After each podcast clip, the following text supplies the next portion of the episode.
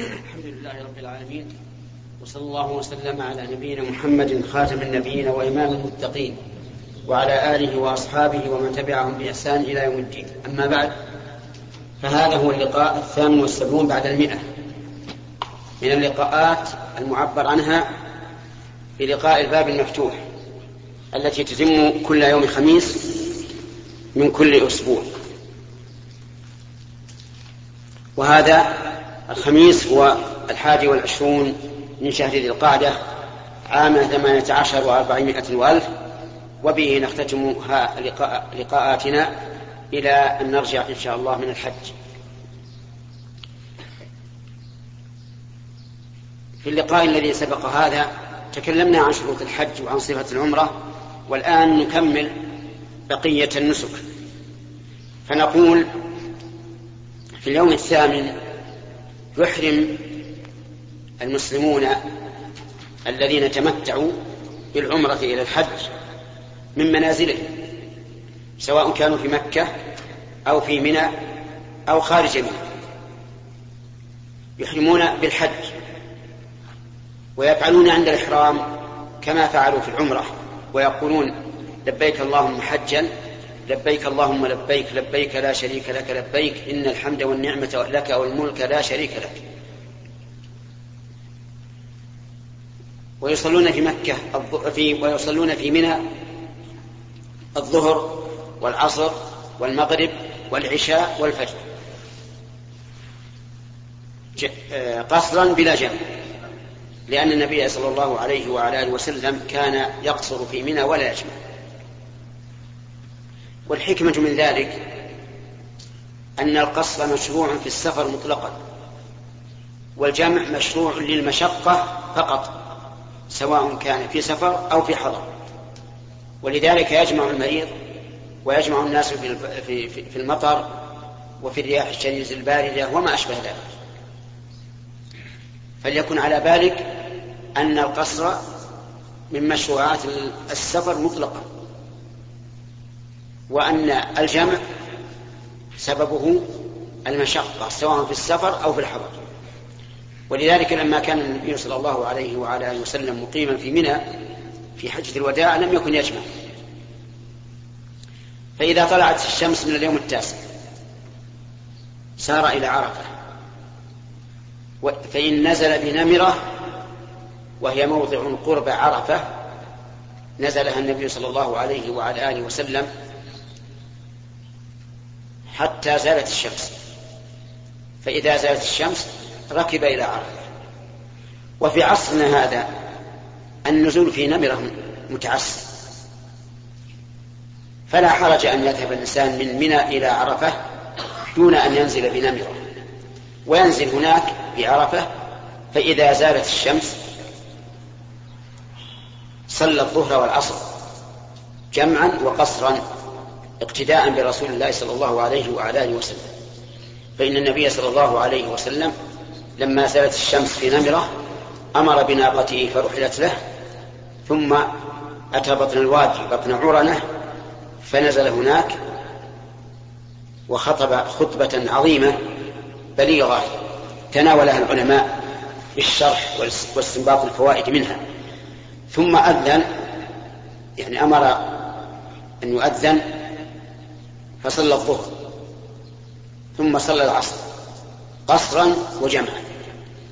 ثم ركب عليه الصلاة والسلام حتى أتى الموقف الذي اختار أن يقف فيه وهو, وهو آخر عرفة من الناحية الشرقية.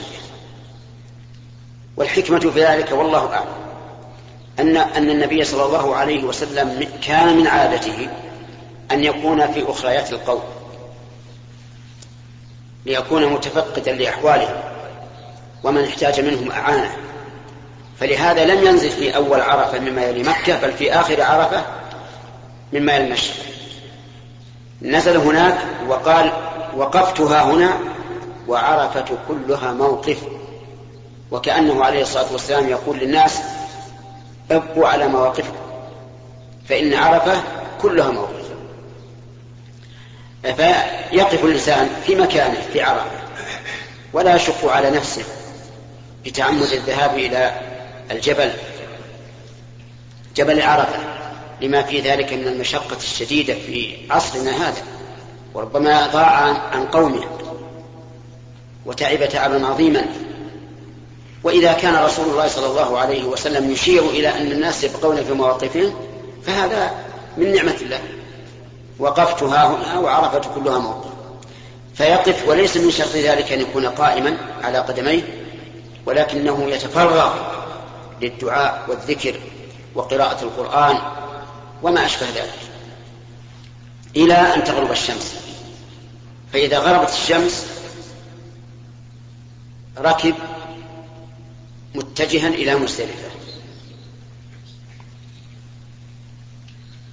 حتى يصل إلى مزدلفة فيصلي بها المغرب والعشاء جمعا وقصرا. والتي تقصر هي العشاء كما هو معلوم. ثم يبقى هناك إلى أن يطلع الفجر.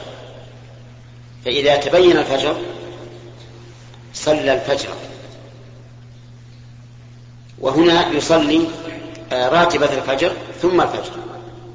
لأن راتبة الفجر مشروعة في السفر والحضر فإذا صلى وسبح التسبيح المشروع بعد الصلاة تفرغ للدعاء والذكر والاستغفار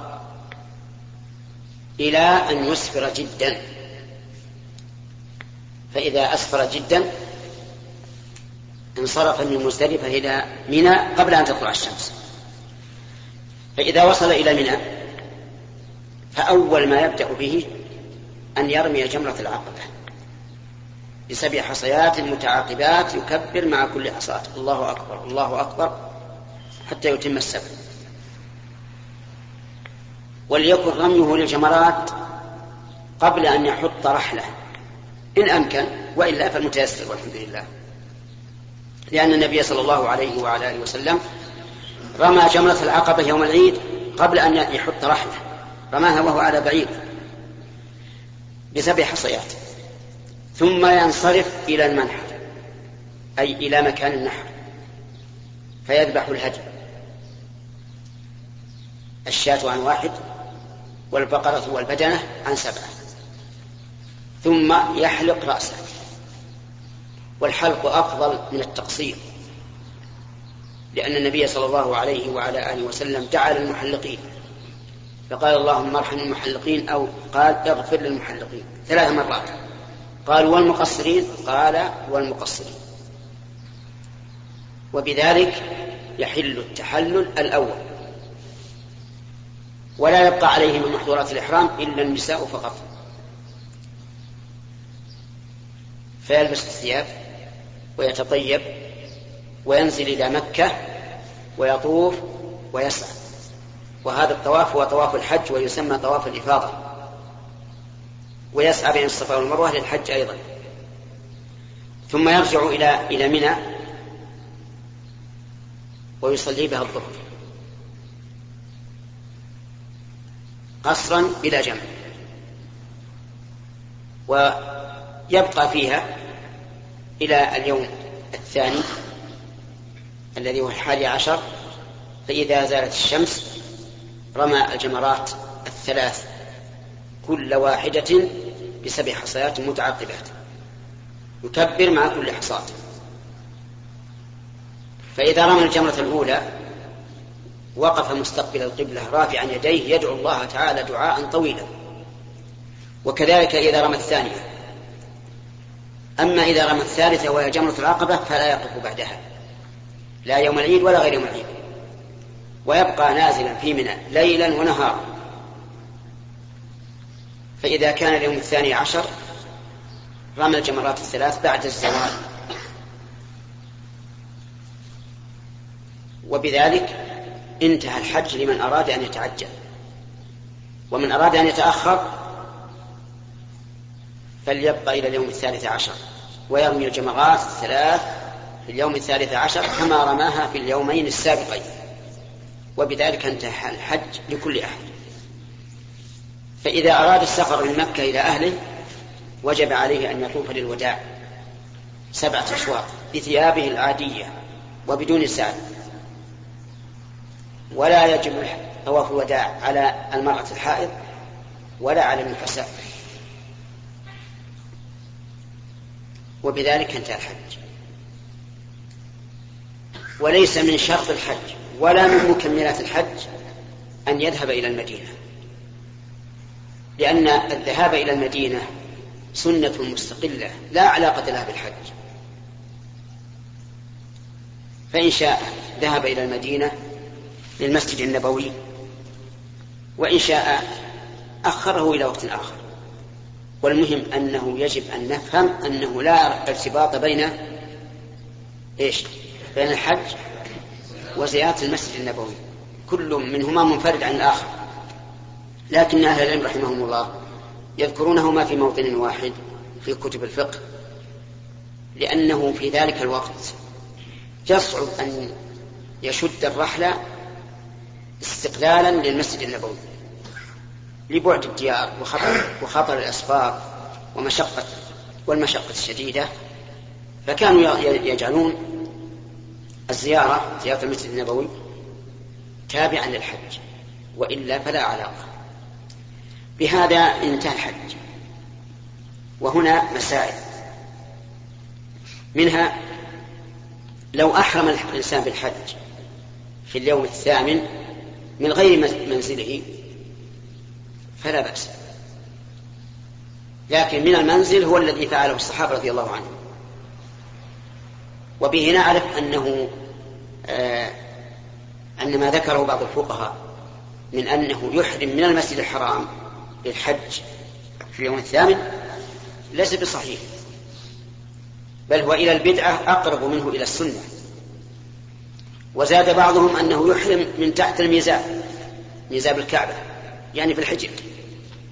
وهذا أضعف وأضعف لأنه لا دليل على هذا. وتصوروا الآن لو قيل للناس أحرموا من المسجد الحرام. أكثر من اجعلهم ثمانمائة ألف. ماذا يكون؟ ما يمكن. على كل حال يحرم الإنسان من مكانه أو من أي مكان شاء لكن يكون الإحرام ضحى اليوم الثامن مسألة لو أنه أخر الإحرام ولم يحرم إلا صباح يوم عرفة واتجه إلى عرفة رأسا فهذا جائز. لكن الإنسان حرم نفسه هذه الساعات التي مضت عليه دون أن يتلبس بالعبادة. وبعض الناس محروم مسكين تجرب في منى نازل وليس له شغل لكن يقول سأحرم يوم عرفة. وهذا من تخذيل الشيطان. أحرم باليوم الثامن يبقى لك حوالي 24 ساعة تغتنمها. عبادة لله عز وجل. فتحرم نفسك منها. هذا من الخطأ. لكن لو فعل الإنسان ولم يحرم إلا يوم عرفة وذهب رأسا إلى عرفة فالحج صحيح وليس عليه شيء. ودليله حديث عروة بن مضرس رضي الله عنه أنه وافى رسول الله صلى الله عليه وسلم في صلاة الصبح في مزدلفة. وأخبره أنه أتى من بعيد من جبل طيب. وأنه أتعب نفسه وأكل راحلته. وما ترك جبلا إلا وقف عنده فقال له النبي صلى الله عليه وسلم من شهد صلاتنا هذه ووقف معنا حتى ندفع وقد وقف بعرفة قبل ذلك ليلا أو نهارا فقد تم حجه وقضى تكته مسألة لو تأخر وصوله من عرفة إلى مزدلفة فهل يؤخر الصلاة إلى مزدلفة ولو خرج الوقت؟ يعني ولو انتصف الليل؟ لا لا يجوز. إذا خفت أن يخرج الوقت وقت العشاء وأنت قادم من عرفة إلى مزدلفة فصل انزل من السيارة وصل. بعيدا عن عن خطوط السيارات. ولا تدع الصلاة حتى يخرج وقتها. لأن إخراج الصلاة عن وقتها بلا عذر من كبائر الذنوب وهي مردودة على صاحبها. لقول النبي صلى الله عليه وسلم من عمل عملا ليس عليه أمرنا فهو رد. مسألة لو دفع الإنسان من مزدلفة قبل الفجر أو قبل أن تطلع الشمس. فهل يجوز؟ آه، فالجواب رخص النبي صلى الله عليه وسلم للنساء وللضعفة أن يدفعوا من مزدلفة بليل أي قبل الفجر. لئلا يتأذوا بالزحام. هذه هي العلة المعقولة فإذا كانت هذه العلة ففي وقتنا هذا يمكن أن نرخص لكل أحد أن يدفع من مزدلفة في آخر الليل لأن مشقة الزحام إذا دفع بعد بعد أن, أن يصلي الفجر مشقة الزحام حاصلة لمن؟ ماشي؟ لكل أحد حتى أشب حتى أشب الناس وأجلد الناس وأقوى الناس سيتكلم. وعلى هذا فلا أرى مانع من أن يدفع الناس أقوياء كانوا أو ضعفاء في وقتنا الحاضر في آخر الليل وكان وكنا نختار وإلى الآن نختار أنه لا يجوز الدفع من المزدلفة إلا بعد صلاة الفجر. إلا للضعفاء. لكن في عصرنا الآن كل الناس ضعفاء في الواقع كل الناس يتأثرون بالزحام ويخافون على أنفسهم. مسألة لو دفع قبل الفجر من مزدلفة إلى منى فهل يرمي جمرة العقبة حين وصوله ولو قبل الفجر؟ أو ينتظر حتى تطلع الشمس؟ الجواب يرميها إذا وصل. متى وصل إليها؟ لأن رمي جمرة العقبة بمنزلة تحية المسجد بالنسبة لمنى. ولهذا قال العلماء تحية منى رمي جمرة العقبة. والدليل على هذا أن الرسول عليه الصلاة والسلام رمى وهو راكب الناقة قبل أن يحط رحله ثم إن هذه هي الحكمة من الترخيص لهم أن يتقدموا. ما الفائدة أنهم يتقدموا ثم ما الفائدة أنهم يتقدمون ثم ينزلون في في رحلهم وإذا طلعت الشمس ذهبوا؟ الحكمة مفقودة أو قليلة جدا. لذلك نقول من حين أن يصلوا إلى منى يرمون جمرة العقبة. وهذا هو فعل أسماء بنت أبي بكر وكذلك ابن عمر في أهله يرسلهم حتى يوافوا منى إما الفجر أو حول الفجر فيرمون فيرمون إذا وصلوا مسألة هل من السنة أن يلقط الحصى من مزدلفة؟ حصى الجمرات؟ الجواب لا ليس من السنة. فرسول الله صلى الله عليه وسلم لم يأمر به ولم يفعله الصحابة في عهده. لكن بعض السلف استحبه من أجل أن لا يحتاج الإنسان إذا وصل إلى منى إلى النزول من راحلته حتى يلقط الحصى ويرمي بها. وقصد بذلك أن يكون من حين وصوله إلى إلى منى يبدأ بإيش؟ بالرمي لأن الحصى معه. لكن هذا التعليل في الحقيقة عليل. فشيء لم يفعله الرسول عليه الصلاة والسلام لا تفعله. وأنت إذا وصلت إلى ما سيسر لك الأمر خصوصا في وقتنا الآن. في وقتنا الآن لا يمكن أن تكون الراحلة تصل إلى إيش؟ إلى الجمرة. ما يمكن. إذا لا بد أن تمشي. فإذا مشيت مشيت فالحصى عندك. ملء الأرض ملء الأرض خذ من أي مكان. حتى إني رأيت في منسك ابن حزم رحمه الله أن الرسول عليه الصلاة والسلام لما وقف على الجمرة ليرمي قال لابن عباس ألقط لي الحصى. فلقط له الحصى من عند الجمرة. المهم أنه ليس من السنة أن يحمل الإنسان الحصى من مزدلفة مسألة فهمنا الآن أن الإنسان إذا وصل إلى منى يفعل خمسة أشياء. كلها في يوم العيد. مرتبة كالآتي. رمي جمرة العقبة ثم النحر ثم الحلق أو التقصير ثم الطواف ثم السعي. هكذا الترتيب المشروع. لكن لو قدم بعضها على بعض فهل يجوز؟ الجواب نعم يجوز. بدون حرج. وبدون دم وبدون نقص. لأن النبي صلى الله عليه وعلى آله وسلم سئل في, في التقديم والتأخير فكان لا يسأل عن شيء إلا قال افعل ولا حرج. حتى قيل له سعيت قبل أن أطوف؟ قال لا حرج. وهذا من تيسير الله عز وجل. هذا من التيسير. وهنا نقطة. العلماء رحمهم الله اختلفت أقوالهم في هذه المسألة. منهم من قال لا حرج لكن عليه دم لفوات الترتيب وهذا قول ضعيف. لأنه يخالف الحديث لا حرج ولم يأمره بالفدية.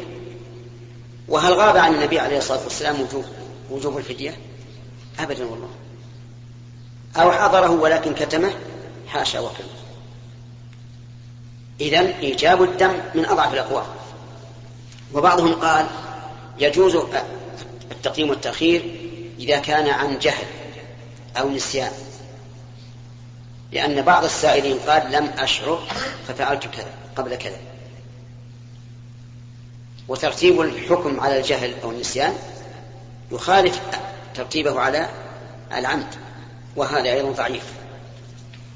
لأن السائل سأل عن حال وقعت عليه أنه نسي فقدم وأخر. فقال الرسول عليه الصلاة والسلام لا حرج لكن هل قال له لا تعد؟ ما قال لا تعد بل قال لا حرج. وفي بعض الألفاظ افعل ولا حرج. افعل يعني في المستقبل ولا في الماضي؟ في المستقبل. افعل ولا حرج. من فضلك اقلب الشريط.